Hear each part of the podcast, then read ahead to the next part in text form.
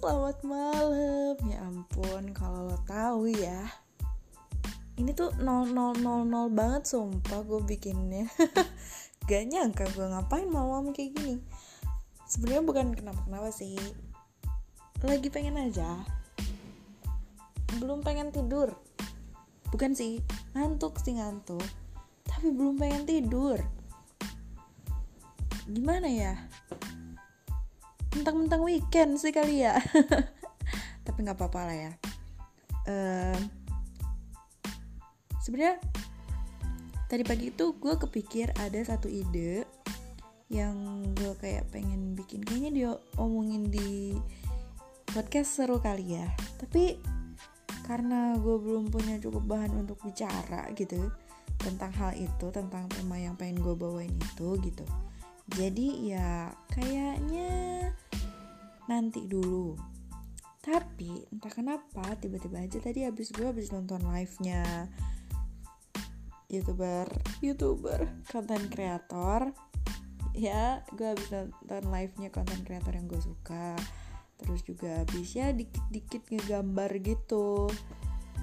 Udah capek udah gue beresin semuanya udah mau tidur diem lagi kan gue kayak baru sadar gitu. Ternyata gue kalau lagi suka sama orang selalu ngegambar. Asli deh. Gue kalau lagi suka sama orang gue pasti ngegambar orang itu gitu.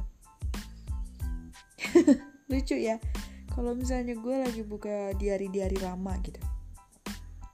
Dari mulai SD gue pertama kali suka sama orang SD cuy gila emang bucin parah. Maafin. Jadi kayak waktu SD tuh kelas 5 gitu ya. Gue suka sama kayak kakak kelas gitu kelas 6 nah gue ngegambar dia tapi di apa ya itu namanya? Kayak dulu tuh waktu SD tuh lu zaman gak sih surat-suratan? Iya jadi kalau waktu gue SD tuh gue masih kayak zaman surat-suratan gitu. Jadi gue tuh ngegambar dia gitu ya yang versi asal-asalan di kertas yang kita pakai buat surat-suratan kayak gitu. Padahal itu surat-suratan isinya ejek-ejekan doang kayak berantem gitu loh sampai suratnya lecek banget kertas sidu doang tuh aja kertas sidu yang dirobek terus yang isinya tuh kayak tantangan-tantangan kayak kamu tuh kenapa sih suka gangguin aku? Bocah banget. Tapi nggak abi bumi kok nggak bunda papa nggak bunda ayah asli nggak dulu mah berantem berantem kayak nantangin ayo ditunggu di lapangan jam segini nanti kita main bola. Kayak gitu emang dulu pas SD tomboy parah. Tapi sebenarnya di balik berantem berantemnya gitu gue tuh suka mas cowok itu gitu ngakak banget deh sumpah cringe banget kalau misalnya ngebayangin kayak gitu dan lagi buka diary tentang itu sih parah. Terus diary gue tuh waktu SD pas suka sama si cowok itu uh, di buku tulis biasa gitu loh di buku sidu gitu. Tahu kan lo sidu sinar dunia? Itu yang kayak bukunya yang cuma 36 halaman lagi bukan yang 48 bukan yang 52 pokoknya yang 38 halaman dan itu semua isinya tentang si pip si S. Coba si S. Panjang banget. Kalau gue waktu SMP gue bacain kan isinya. Ngakak gimana sekarang ya? Ya Allah bocah kelas 5 SD gitu kan. Terus naik ke kelas 6 SD gue juga suka lagi nih sama orang. Gue waktu kelas 5 ya eh kelas 5 kan suka sama kakak kelas yang dia kelas 6 kan. Pas gue kelas 6 gue sama anak kelas sukanya sama anak kelas 5 sumpah deh gak tau kenapa ya. Gue kayaknya dari dulu frontal gitu. Bagus gak sih sebenarnya kalau cewek frontal? Ih gue kadang merasa suka kayak ya Allah kalau SD gue kan tomboy banget gitu ya. Nggak tahu kenapa mungkin karena gue tomboy banget. Jadi kayak gue ya udah belak belakan aja gitu. Misalnya gue kayak naksir sama si A ya gue ngomong gue naksir sama si A gitu. Walaupun ujung-ujungnya kadang gue menyesal udah ngomong kayak gitu. Soalnya pasti diledek. Kalau nggak diledek ya si cowoknya kayak ilfil gitu sama gue terus kayak menjauh. Tahu gitu kan gak bisa ngomong ya? Lebih deket sebelum ngomong. Pas udah ngomong malah ilfil dia mau gue bisa bisanya pokoknya kayak gitu. Jadi waktu kelas 5 suka sama kakak kelas tuh sebenarnya waktu itu gue belum berani tuh yang namanya ngomong. Beraninya kayak gitu doang caper-caper berantem gitu. Soalnya waktu itu gue saingannya sama temen yang lebih populer. Jadi kayak ya gue minder gitu kan. Gue tidak merasa gue insecure. Kalau bahasa sekarang insecure dulu minder. Nggak ada bahasa insecure dulu terus pas gue kelas 6 ke kelas 5 itu gue terang-terangan langsung kenapa ya? Mungkin karena pengalaman waktu gue kelas 5 kali ya? Iya jadi pas gue kelas 6 ini gue suka sama anak kelas 5 dan itu gue terang-terangan banget sumpah dah. Gue terang-terangan banget sampai orangnya kayak kabur gitu tau. Sumpah malu banget gue kalau dipikir-pikir gila. Terus gue sampai kayak ngasih hadiah gitu waktu gue wisuda SD lulus gitu. Uh, terus gue kayak ngasih hadiah gitu inisial inisialnya tuh DBP sumpah DBP sampai gara-gara inisial itu sama sama sahabat gue yang kita tuh sama-sama suka sama orang yang namanya sama-sama dari huruf D gitu. Cuman dia mah D yang mana gue D yang mana gitu. Dan kita tuh si D ini tuh sama-sama kelas 5 tapi yang satu kelas 5A yang satu kelas 5B jadi beda gitu. Nah karena kita karena kita ngerasa kayak suka sama-sama suka sama orang yang namanya sama kita mutusin buat pas wisuda ngasih mereka hadiah. Terus kita beneran ngasih terus kayak ya udah kayaknya itu cinta monyet parah. Gak ngerti gue kenapa gue bisa kayak gitu bocah emang. Terus nih gue naik ke SMP di SMP gue kalau yang itu yang gue waktu SD itu kan gue suka sama orang gak pernah sampai yang nangis nangis gitu ya. Gak pernah gue sampai nangis nangis ya. Ya suka sama orang ya udah gitu aja. Paling malu-malu surat-suratan. Dulu mah kan gak zaman SMS ya nggak belum ada HP gitu. Anak SD tuh nggak megang HP jadi kayak ya udah ketemu tuh di sekolah modus-modusnya tuh kayak ketika lu latihan pramuka atau latihan upacara gitu hari Sabtu atau Minggu gitu. Terus kan yang namanya SD ya rumah-rumah orang tuh ya deket SD gitu loh. Jadi kayak sering apa namanya modus muter-muterin SD gitu cuman buat demi ngelewatin depan rumah dia gitu. Soalnya rumahnya tuh pada deket gitu loh sama SD gitu deh. Walaupun rumah gue jauh sih tapi kadang suka curi-curi waktu pas lagi latihan pramuka gitu. Gue dulu bukan anak pramuka tapi gue nggak tahu suka ikut-ikutan aja kalau lagi ada per apa? Per per latihan baris-baris gitu deh. Ya pokoknya kayak lomba-lomba pramuka gitu deh nggak ngerti gue terus waktu SMP waktu SMP tuh gue kelas 1 suka sama siapa ya oh ada. Nah waktu SMP main yang bener-bener kayak suka sama dia tuh isinya sakit hati aja semua. Kenapa gue masih suka sama cowok yang bikin gue nangis terus? Gitu drama terus tiap hari. Sampai-sampai nih ya itu gue suka sama si cowok ini tuh. Kan kalau di SMP gue kan muridnya dikit ya. Angkatan gue aja cuma empat orang. Oh ini harus diceritain sih ini parah nanti gue ceritain di segmen yang lain itu udah angkatan gue cuma empat orang doang gitu kan. Udah angkatan atas gue nih yang kelas kan gue kelas 7 4 orang. Kelas 8 itu ada 15 orang.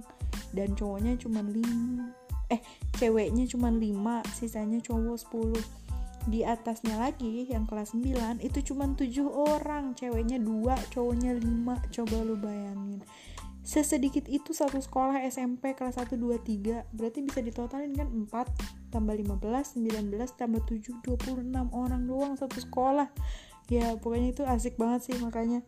Nah waktu kelas 7 itu gue suka sama anak kelas 8 dan entah ya kenapa gitu kan. Padahal kalau rasionya itu tetap banyakan cowok dibanyak dibanding banyakan ceweknya. Maksudnya lebih banyak murid laki-laki dibanding perempuannya kan. Tapi entah kenapa nih si satu cowok yang gue suka ini disukain sama tiga orang. Gue teman sekelas dia alias kakak kelas gue sama adik kelas gue yang waktu itu masih SD kelas 6 coba ngakak gak terus kita kayak drama banget lah pokoknya percintaan segi empat itu. Gue gak paham lagi kenapa gue bisa terjebak drama percintaan kayak gitu.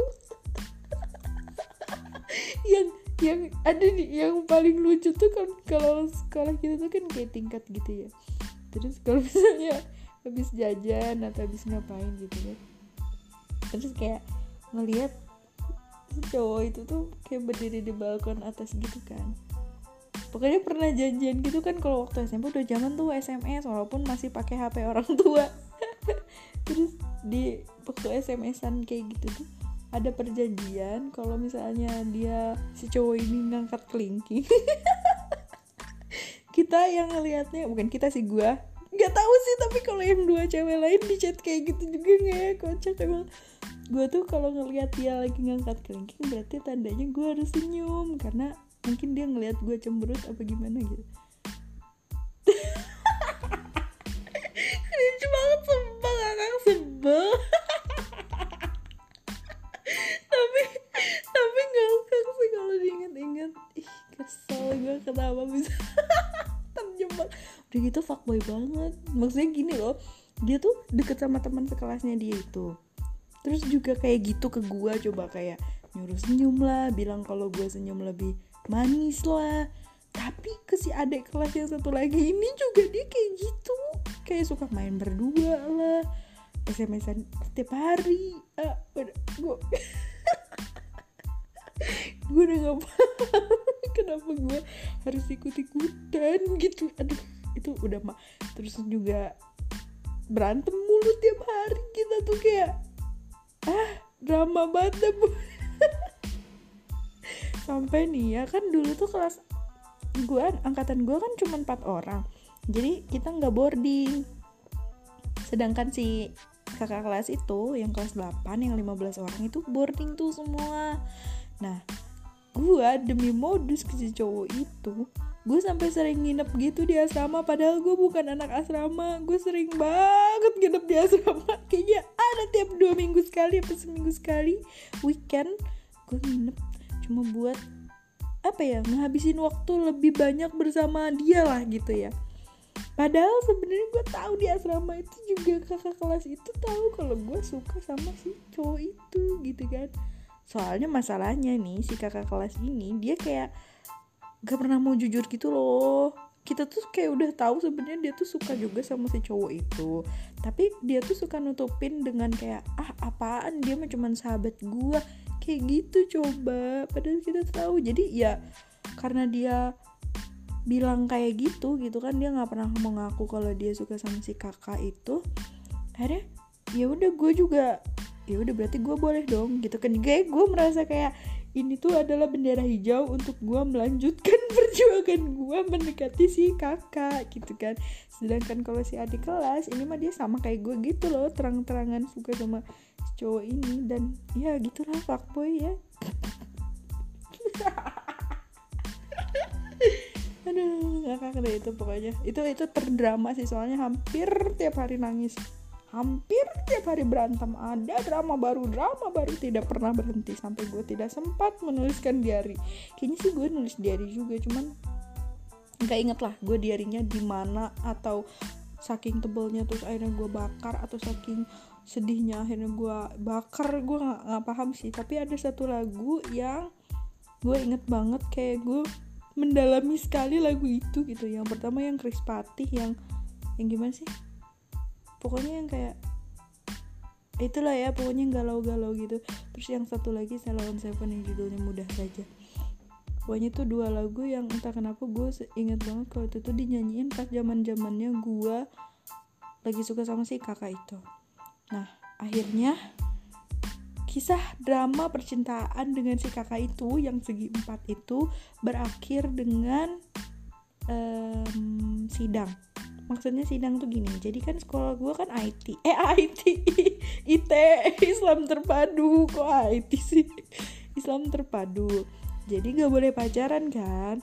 Nah kepergok gitu deh ada kasus gitu antara si kakak itu sama si kakak kelas gue yang katanya sahabatan itu. Terus mereka kepergok gitu akhirnya mereka disidang gitu kan. Disidang tuh artinya kayak dikumpulin di masjid dimarahin di depan umum gitu deh sebenarnya nggak berniat di depan umum tapi kan di masjid ya jadi kita bisa ngeliat gitu dari jendela walaupun kita nggak dengar sih mereka dimarahinnya kayak gimana tapi kita bisa ngeliat bahwa kepala sekolah sedang menasehati mereka gitu. Dan dari situ kita tahu bahwa oh ya ternyata mereka ada hubungan dan ya walaupun dengan banyak sekali drama-drama drama akhirnya kisah gue dengan si kakak itu berakhir kemudian masih di SMP yang sama tapi udah naik kelas ke kelas 8 gue memulai kisah percintaan yang baru. Emang gue tuh gampang move on apa gimana sih gue juga gak paham ya gue naik ke kelas 8 di di ya ya maksud gue gini loh. Murid murid di sekolah gue kan dikit ya. Jadi kayak yaudah sukanya tuh ya kalau nggak sama dia sama temennya gitu loh jadi nih kan si kakak ini kelas 9 kan naik kelas gue ke kelas 9 nah dia punya temen. Nah gue jadi suka sama temennya gitu. Yaudah pokoknya inisialnya ya itulah ya. Pokoknya si Big Su bukan Big Su Big Shoe sepatu besar Big Shoe kenapa sepatu besar? Karena ciri khas dia itu adalah ketika waktu ketika waktu apaan sih? Waktu SMP itu uh, dia tuh kayak paling gede gitu loh badannya. Ya termasuk kakinya. Jadi ukuran sepatu dia tuh kayak entah kenapa terlihat seperti raksasa gitu kan di antara anak SMP anak SMP yang lain. Apalagi kelas 7 kelas 8 tuh masih banyak yang bocah gitu kan. Apalagi dia dia masih bocah saja kakinya sebesar itu gitu kan. Apalagi udah tidak bocah. Mungkin kalau udah nggak bocah kaki dia tuh bisa dibilang biasa aja. Ya cowok lah gitu. Kakinya gede gimana sih? Tapi karena waktu itu dia gedenya duluan dibanding teman-temannya jadi terlihat seperti raksasa. Nah jadi gue suka sama dia justru karena dia raksasa gitu. Entah kenapa gue suka dari situ ya. Padahal si kakak kelas yang sebelumnya gue suka tuh kurus tau. Kurus asli dah. Kurus kecil dia nggak kecil. Ya gitulah maksudnya kurus tapi pas pindah ke si raksasa yang kebayang raksasa gimana sih? Sampai gue aja mau beliin dia hadiah baju bingung saking gedenya ukurannya. Ya udah. Gue suka nih sama si kakak ini. Tapi gue terang-terangan gue kayak ngomong langsung gitu. Nggak langsung sih maksudnya ngomong sama orangnya tapi lewat Facebook gitu. Lewat chat. Jadi dia tahu kan dia tahu dari gue gitu. Walaupun sebenarnya dia udah mendengar rumor-rumor bahwa gue suka sama dia tapi gue akhirnya ngomong sendiri tanpa tekanan dari siapa-siapa gitu kan. Terus ya udah karena kita nggak boleh pacaran di sekolah jadi tetap nggak pacaran sebenarnya. Cuman jadi tahu aja gitu kan perasaan masing-masing gitu. Terus ya udah dari situ ujian. Kan kalau di kisah percintaan sebelumnya ujian yang kita yang gue hadapi kan drama percintaan nangis mulu gitu ya pokoknya sedih banget. Gak tau gak yang gue inget sih gue sering banget menangisi dia gitu. Dan menangisi pertemanan gue dengan si kakak kelas yang perempuan dengan adik kelas gue juga. Soalnya kayak sering banget berantem gara-gara cowok itu gitu. Padahal kalau dipikir-pikir lagi ah, kenapa? Gitu. Ngakak banget. Nah sedangkan ujian yang gue rasain di si kakak kelas raksasa itu tuh kayak ujian ridho orang tua nggak maksud gue gini. Kayak waktu itu kan dia kelas 9 gue kelas 8 jadi dia harus lebih fokus buat UN dong sama masuk SMA nah jadi si ada guru di sekolah gue yang dia tuh adalah wali kelasnya eh beliau itu adalah wali kelas ke 9 yang lagi home apa sih home visit ya. Jadi kayak berkunjung gitu ke rumah siswa satu-satu di ke anak kelas 9 buat kayak konseling gitu bimbingan terus juga curhat-curhat sama orang tuanya kayak gitu. Ini anaknya harus diapain supaya siap menghadapi ujian nasional sama ujian masuk SMA kayak gitu lah nah yang gue denger adalah bapak guru itu melaporkan si kakak raksasa yang digosipin sama gue ah, pokoknya sedih banget deh di situ kayak terus gue langsung kayak iya dipersulit gitu loh padahal kita gak pacaran tapi buat ketemu atau ngobrol pun kayak suka tiba-tiba ada. Gue gak ngerti juga sih maksudnya pokoknya pokoknya gitulah. Jadi kayak ya digituin gitu. So, walaupun kita tetap aja nakal ya SMS-an SMS-an lah. Diledek iya tapi ya udah lanjut aja sampai pas gue udah kelas 9 nih. Yang gue nggak tahu sih kalau ini ini GR-nya gue aja bagaimana ya. Waktu gue udah kelas 9 kan uh, gantian gue yang latihan kan buat UN sama buat masuk sekolah eh buat masuk SMA nah si kakak raksasa ini kan udah di SMA kan. Di SMA-nya juga boarding gitu di masih di kota yang sama tapi boarding. Nah kalau weekend lagi jamnya pulangnya dia tuh kadang-kadang dia main ke sekolah gue gitu. Kan gue boarding juga kan gara-gara mau UN jadi gue kelas 9 selama setahun gue boarding. Nah terus kalau gue lagi belajar malam buat siap-siap UN sama masuk SMA tuh dia kadang ada gitu. Nggak tahu dia dadanya katanya sih buat main aja. Padahal kalau gue mikir GR-nya gue dia mau menyemangati gue ya udah kayak gitu. Ya udah gitu sih. Mau dibikin part 2 apa ini aja ya? Ya udah deh. So, kalau misalnya dibikin part ini part gue suka sama cowok dari SD sampai SMP itu sih. Dan yang gue pengen tekenin kenapa gue cerita kayak gini adalah karena setiap orang yang gue suka tuh ada kisahnya masing-masing dan ada pelajaran yang bisa gue ambil gitu dari mereka. Nggak ada yang sia-sia nggak ada. Dan kayak nggak pernah menyesal juga sih. Ya walaupun kayak tadi kayak ngakak aja gitu kenapa gue bisa terjebak bersama orang seperti itu gitu. Tapi ya pelajaran ya pasti ada gitu.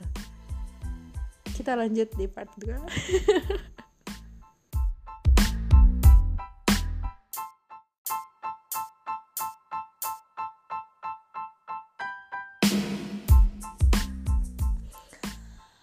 Oke. Okay.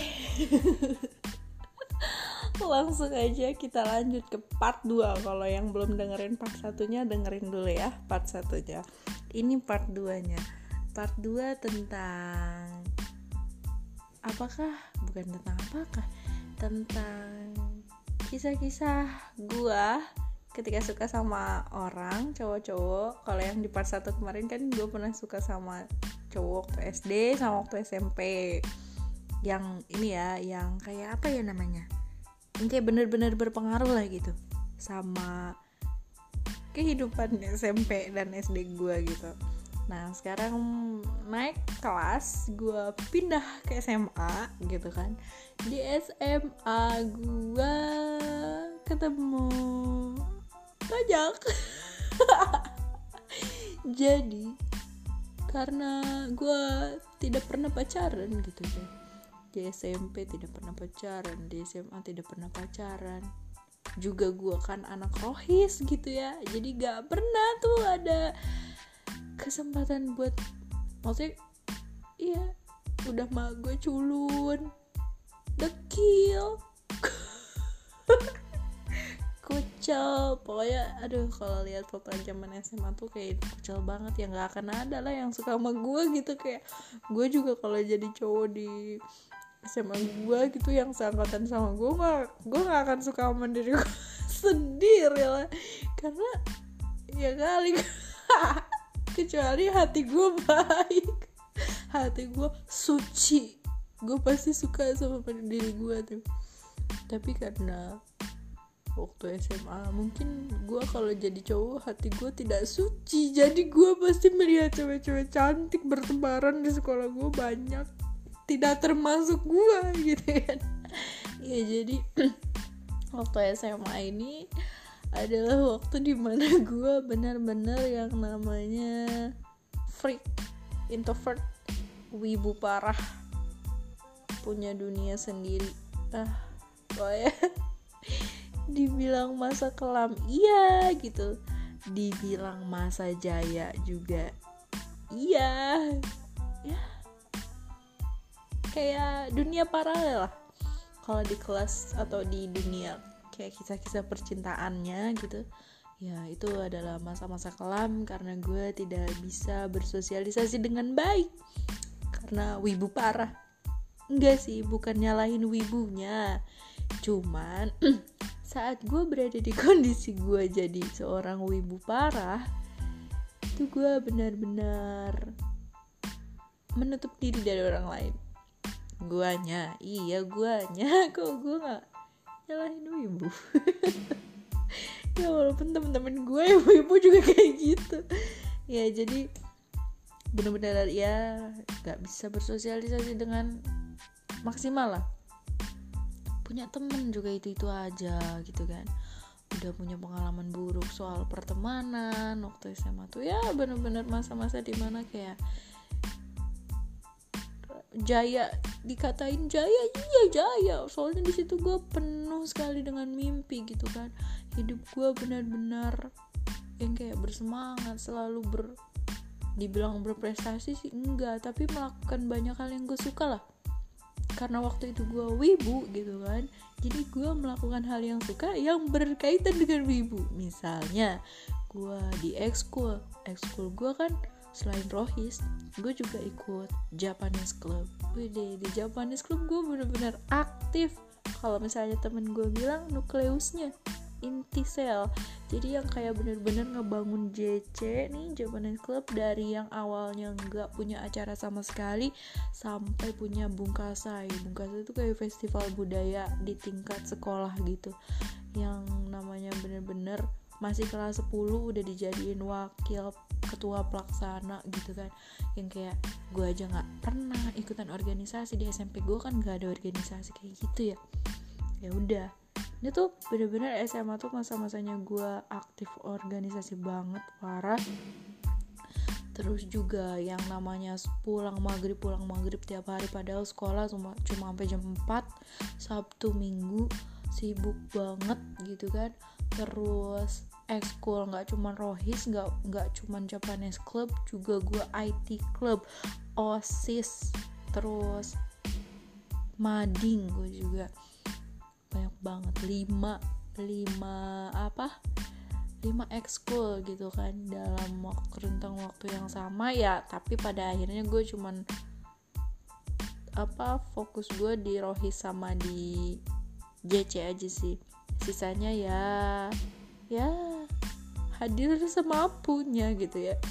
Nah kayak gitu. Jadi karena walaupun walaupun gue ekskulnya banyak kayak gitu ya tapi kalau dibilang gue ber, bisa berinteraksi sama orang lain apa enggak tuh sebenarnya enggak enggak banget. Maksudnya enggak enggak banget. Dia enggak terlalu begitu bagus gitu. Soalnya temen gue ujung-ujungnya yang deket itu adanya di Rohis dua orang yang benar-benar deket sampai sekarang pun masih temenan deket. Dan yang satu lagi tuh di Japanese Club udah. Sisanya tuh kayak ya udah. Nggak nggak nggak apa ya nggak yang kayak bener-bener deket sampai sekarang gitu. Mungkin deketnya pas waktu itu aja gitu artinya apa? Artinya ya kurang frekuensi lah gitu. Sedangkan sama yang di anak Japanese Club sama yang di Rohis ini kayak bener-bener frekuensi bahkan sampai sekarang gitu. Walaupun kita udah punya kehidupan masing-masing kita tetap nyempetin buat ketemu tukar pikiran chatting segala macam kayak gitu. Kan gue mulai mengikuti cara bicaranya seseorang. Duh nah kayak gitu apaan sih? Nah udah kayak gitu ya. Nah kayak gitu tuh jadi bikin gue tidak bisa berinteraksi apalagi sama kakak kelas. Oh itu rasanya sulit banget kalau mau interaksi sama kakak kelas. Tuh kayak serba salah. Apa pun yang gue gue omongin tuh kayaknya tidak membuat mereka tertarik sama gue gitu. Entah karena gue terlalu membosankan entah karena mereka ngelihat gue freak apa gimana gue nggak paham juga sih pandangan mereka ke gue cuman ya itu kalau misalnya gue udah pernah ngobrol sama kakak kelas tuh kayak nggak pernah berlanjut gitu loh. Makanya nggak pernah punya gebetan kakak kelas yang lama banget. Kalaupun punya tuh kayak ya udah gue cuman pengagum rahasia di dia doang gitu atau enggak kayak ya udah sih gimana ada kelas ngefans sama kakak kelas yang kayak kalau dia main futsal kita tontonin kalau dia main basket kita tontonin kalau kita dia manggung main gitar nyanyi segala macam kita tontonin tapi dari pojok. Kita nggak berani lah kita bukan kita tuh maksudnya gue sama teman-teman yang sedekat sama gue kan yang sefrekuensi sama gue tuh yang udah yang sama-sama. Tau gak sih lu yang kalau misalnya di kelas tuh pasti ada tipe anak yang kayak pendiam kalau lagi voting ikut-ikutan aja. Kalau lagi rame tuh kita ya udah ramenya tuh di pojok berempat doang di bangku. Atau enggak main HP terus ketawain hal yang sama bakal oh, tapi orang lain nggak ngerti gitu. Kita tuh lagi ngertawain apa. Terus tiba-tiba kita nangis tapi kita orang lain tuh nggak nggak bisa ikutan berempati karena mereka nggak ngerti kita nangisin apa. Itu gua. Serius gua. Yang ketika nih bahkan sampai bungkasai pun setelah bungkasnya disusun sedemikian rupa, saatnya promosi ke kelas-kelas untuk supaya mereka mau ikutan lomba yang ada di bungkasnya itu. Pasti kelas gue, gue kan yang harus promosi. Itu gue bener-bener gagap coy ngomong di depan kelas sumpah. Kalau misalnya presentasi kan ini ya, apa namanya kayak yaudah formalitas kelas itu kewajiban gue sebagai pelajar gitu kan menyelesaikan tugas presentasi itu juga ya gue kayak gitu gitu kan. Tapi kalau ini kan kayak gue dapat nilai emang emang gue dapat nilai apa dari promosi acara gitu kan? Enggak. Tapi karena gue mikirnya ya gue harus mempromosikan ini acara itu gue bener-bener yang kayak gue ngomong gak ada yang dengerin kalaupun ada yang dengerin terus mereka kayak woi diam dulu napa sejarah lagi ngomong. Terus itu gue kayak ya Allah makasih banget. Tapi pas gue ngomong lagi mereka berisik lagi. Karena ya gue nggak ada skill ngomong gitu loh waktu itu. Karena gue terlalu sibuk dengan dunia gue sendiri sehingga gue merasa gue seperti melihat orang lain di luar circle gue tuh kayak ih apaan sih? Gitu. Yang gue rasain ya nggak tahu sih. Setiap orang mungkin beda-beda. Setiap orang yang pernah ngalamin masa kayak gue uh, maksudnya teman-teman gue yang wibu emang gue gue kayak menyalahkan wibu banget. Enggak enggak gue nggak menyalahkan wibu. Wibu tuh adalah masa-masa paling menyenangkan karena karena kewibuan itu gue bisa punya teman karena kewibuan itu gue bisa punya masa-masa di mana gue nonton anime tiap hari. Ngapalin lagu-lagu Jepang sampai gue akhirnya bisa bahasa Jepang kan karena gue wibu. Jadi ya ya gue bersyukur lah gue pernah jadi wibu. Cuman kalau dibilang mau balik lagi ke zaman dulu apa enggak? Enggak sih. Enggak aku nggak mau balik lagi jadi wibu. Orang bisa bahasa Jepang juga nggak harus jadi wibu dulu gitu kan. Maksud gue yang yang baik-baiknya gue ambil gitu kan. Kayak gimana gue bisa jadi tahu negara Jepang tuh seperti apa. Itu kan gara-gara gue wibu kan dulu. Tapi ya udah si freak wibunya ini nggak mau gue ulang gitu. Yang kayak pandangan gue terhadap orang selain circle gue jadi serba negatif gue nggak mau temenan sama siapa-siapa selain sesama wibu. Gue nggak mau punya pikiran kayak gitu gitu. Gue merasa eksklusif karena gue mereka nontonin apa ngomongin apa namanya ngomongin hmm, selebgram selebgram ya. Waktu itu belum ada selebgram ya. Iya maksudnya kayak gitu artis lah apa segala macam gue sama temen gue nih yang cuman berdua bertiga doang di kelas tuh kayak ngerasa spesial aja karena kita ngomongin sesuatu yang mereka nggak paham. Iya pokoknya kayak uh, eh, gue gak suka deh yang saat-saat kayak gitunya. Tapi bukan berarti gue tidak bisa mengambil pelajaran ya dari masa-masa gue ibu pokoknya intinya adalah dari masa-masa perwibuan selama gue SMA itu gue gak pernah punya cinta yang tidak bertepuk sebelah tangan. Semua cinta gue bertepuk sebelah tangan. Mau itu sama kakak kelas mau itu sama adik kelas mau itu sama teman seangkatan. Karena kalaupun ada kemajuan nih friendzone udah sampai titik friendzone aja. Gak pernah bisa maju kalau sama kakak kelas udah pasti skip lah. Susah banget coy deketin kakak kelas. Apalagi ketika lo nggak punya bahasan apa pun ketika lo nggak. Kan dulu zaman twitter sekarang juga sih tapi gue udah nggak. Uh, maksudnya kayak lu ketika lu nggak punya bahasan apa pun ketika lu juga nggak populer ya udah. Lu nggak punya power apa apa lu nggak akan memikat siapa pun dan ya udah. Kalaupun emang gue pernah friendzone itu tuh karena ketika orang udah temenan sama gue dan merasa sefrekuensi ya udah kita temenan. Tapi dia nggak suka sama gue dia temenan sama gue mungkin karena gue sebenarnya riuh aja anaknya. Jadi kayak bisa gue bisa kok diajak seru gitu sama ya itu salahnya gue waktu SMA otak-otak negatif pikiran-pikiran negatif itu memenuhi ke kepala gue gitu pokoknya gue tidak mau mengulang masa SMA yang itu gitu. Tapi kalau misalnya untuk yang ih gue waktu SMA penuh mimpi hidup gue penuh warna aktif banget segala macam bikin inovasi-inovasi uh, terus juga ikut lomba sana sini walaupun sekolah gak ngedukung gue tetap hajar tuh lombanya sampai akhirnya gue membuktikan ke sekolah bahwa gue bisa menang gue bisa juara.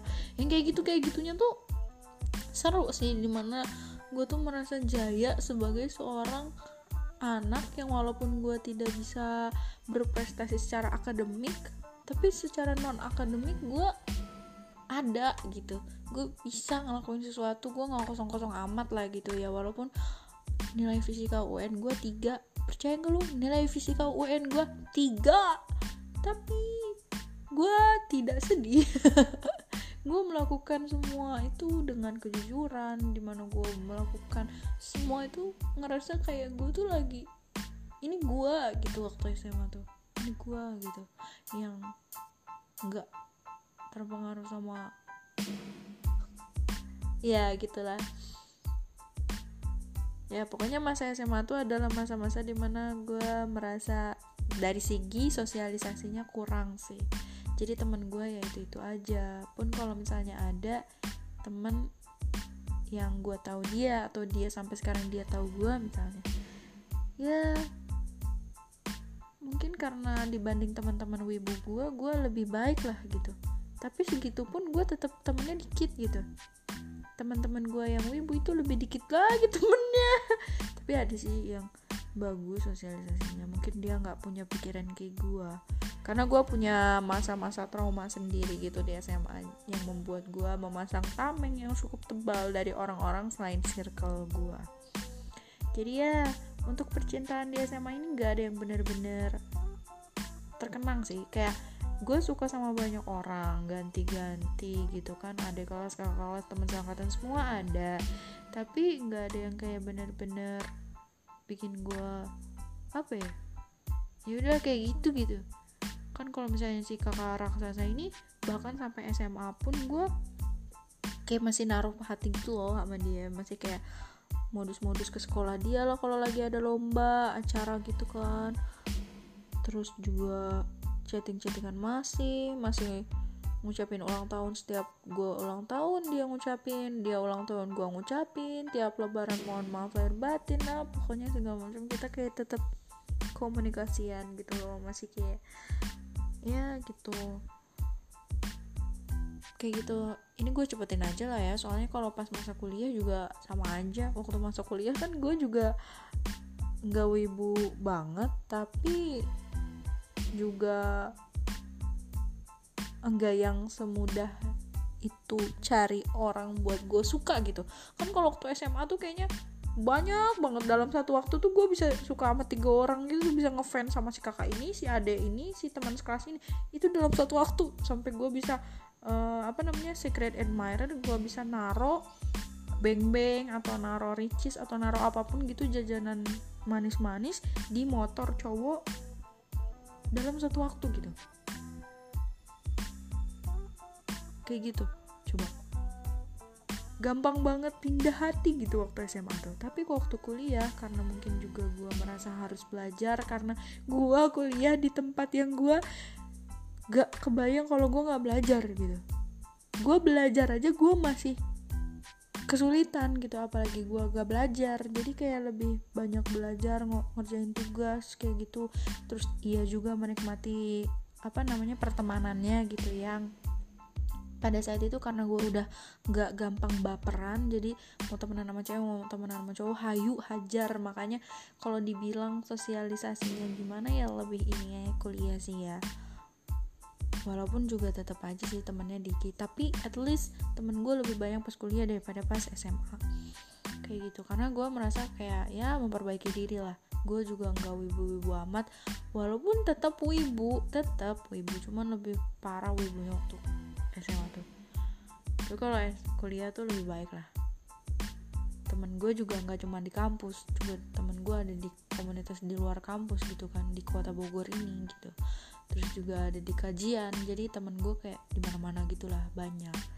Jadi mau sedikit sedikit mulai terbuka lah pikiran gue nah sampai akhirnya ya udah sebenarnya ada sih satu kisah cinta yang gue mulai dari SMA tuh sama orang Jepang. Tapi sama orang Jepang ini kayak lebih apa ya? Kayak gue lagi chattingan sama robot gitu. Soalnya gue pernah ketemu sama orangnya waktu kelas 10 tapi bentar cuman dua hari doang. Sisanya chattingan. Jadi kayak gak kerasa lah walaupun sedih sih iya sedih waktu kita berantem waktu apa namanya berbeda pendapat terus nggak nggak ketemu di tengah gitu. Sedih sedih kayak ya kayak gitu. Tapi kalau dipikir-pikir lagi chatting doang nggak seru ya nggak seru tau. Terus waktu itu tuh akhir-akhir kuliah gue pernah baper sama orang yang gue temuin di komunitas di kota Bogor komunitas Wibu jadi dia tuh jauh nggak jauh sih kayak sekitar tiga tahun lebih tua gitu dari gue gue bapernya gara-gara kita sering main bareng kan. Tapi karena waktu itu tuh gue masih cupu gitu kan padahal gue baper ya sama dia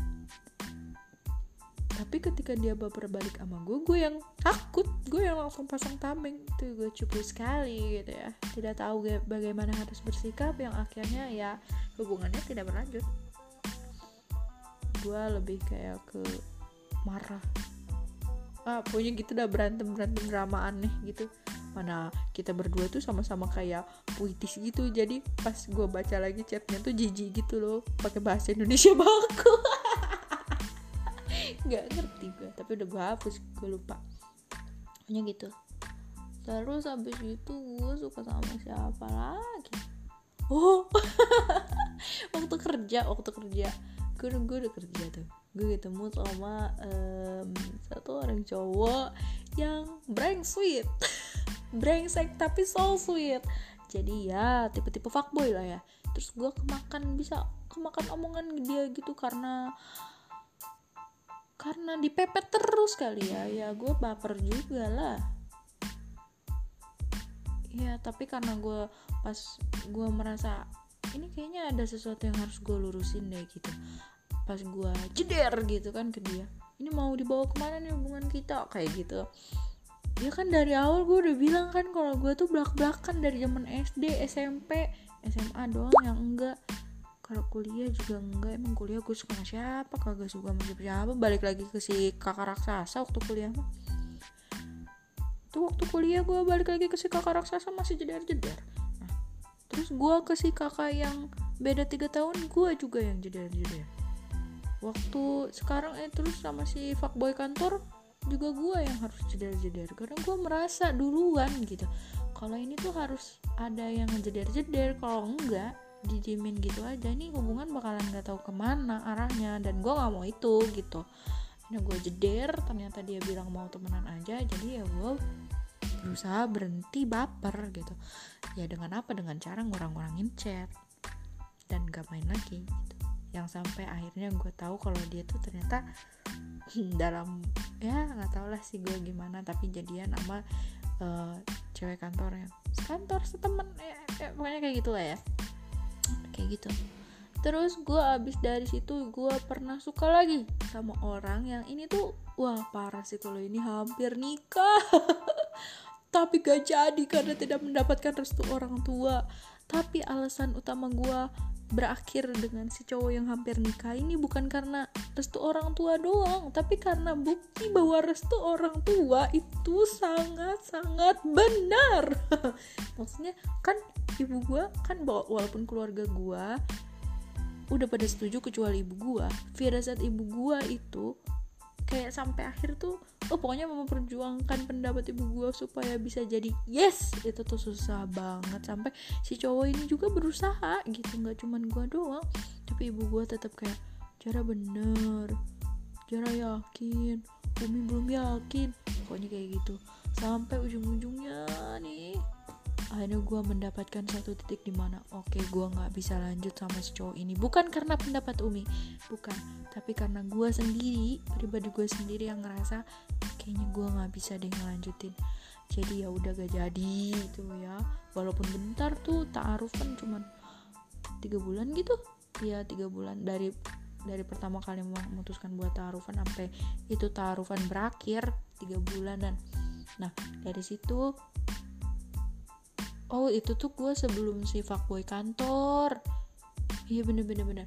Jadi dari mulai si kakak raksasa nih kan gue SMA nggak ada yang bener kan di sekolah. Tapi sama si kakak fuckboy eh kakak fuckboy sama si kakak raksasa masih lanjut kan. Nah kuliah gue juga kayak gitu. Nggak ada yang bener di, di kuliahan. Jadi masih tetap sama si kakak fuckboy. Kakak fuckboy lagi. Kakak raksasa. Nah pas udah gitu akhirnya gue kayak merasa kayak gitu juga ya jeder-jeder. Akhirnya gue jeder juga. Di situ hubungan gue dengan kakak raksasa benar-benar berakhir. Gue datang langsung ke Jatinangor tapi nggak ketemu sama dia tapi gue nemu kosannya. Gue kasihin surat terakhir gue dan hadiah terakhir gue. Dan pulang dengan air mata di bis kayaknya orang gak ada yang mau duduk di samping gue gara-gara gue di bis nangis. Coba lagi hujan lagi parah mana bisnya dingin lagi AC. Kocak sih itu parah. Tapi itu benar-benar kayak wow it's amazing me. Kayak salut gitu loh sama diri sendiri. Nggak apa-apa. Nah habis itu baru sih cowok yang hampir nikah. Terus habis itu karena nggak jadi nikah gue jomblo jomblo jomblo jomblo jomblo. Terus gue deket sama si fuckboy kantor di saat yang sama gue menolak cowok bukan menolak cowok sih. Ya gue deket sama satu lagi cowok dari kantor lain dan gue menyesal sudah menjauh dari dia. Tapi nggak sekarang gue nggak menyesal. Be aja be aja. Terus habis dari situ gue jomblo jomblo jomblo lama. Kayaknya hampir hampir setahun hampir gue setahun menjomblo tidak suka sama siapa-siapa sampai akhirnya gue ketemu lagi sama orang yang benar-benar mengejutkan. Gue belajar banyak sih dari dia. Banyak banget sih parah. Belajar tentang bersyukur arti hidup. Bagaimana gue seharusnya menemukan tujuan hidup gue gak boleh bucin dan lain sebagainya pokoknya banyak banget. Sama sih kebanyakan cowok-cowok ini ngajarin gue buat gak usah bucin walaupun lo lagi jatuh cinta lo harus tetap realistis lo harus tetap fokus kepada tujuan lo kalau misalnya ini hubungan gak jelas atau hubungan di diajak ke jalan yang salah udahin udahin. Bahkan yang nikah pun belum tentu yang mau nikah pun belum tentu jadi nikah gitu kan. Apalagi yang gak jelas ini mau dibawa nikah atau enggak gitu. Jadi kalau misalnya gak jelas mending udahin. Itu sih dari sekian banyak pengalaman gue jadi guanya sendiri yang harus konsisten sama tujuan gue mau deket sama cowok tuh mau ngapain gitu. Dan mau ngapainnya itu adalah tujuan yang dari awal harusnya gue tahu gitu kan. Sebagai seorang muslim deket sama apa namanya punya pasangan itu ya buat apa gitu ya. Itu ya pernah gue bahas sebelumnya bahwa kita tuh punya deket sama lawan jenis itu ya di dalam Islam ada hukumnya gitu. Dan kalau misalnya mau jadi halal gitu kan interaksi antara laki-laki dan perempuan yang bukan mahram mau jadi halal ya pintunya cuma akad gitu kan. Kayak gitu. Jadi guanya sendiri yang harus harus konsisten sama jalan hidup gue way of life gue kalau misalnya ada yang nggak sesuai ini misalnya gue deket sama cowok terus gue udah ngerasa bahwa ini tuh udah nggak jelas atau ini harus diperjelas ya gue perjelas. Kalaupun emang harus gue berakhir sama dia karena ketidakjelasan ini ya mendingan kayak gitu.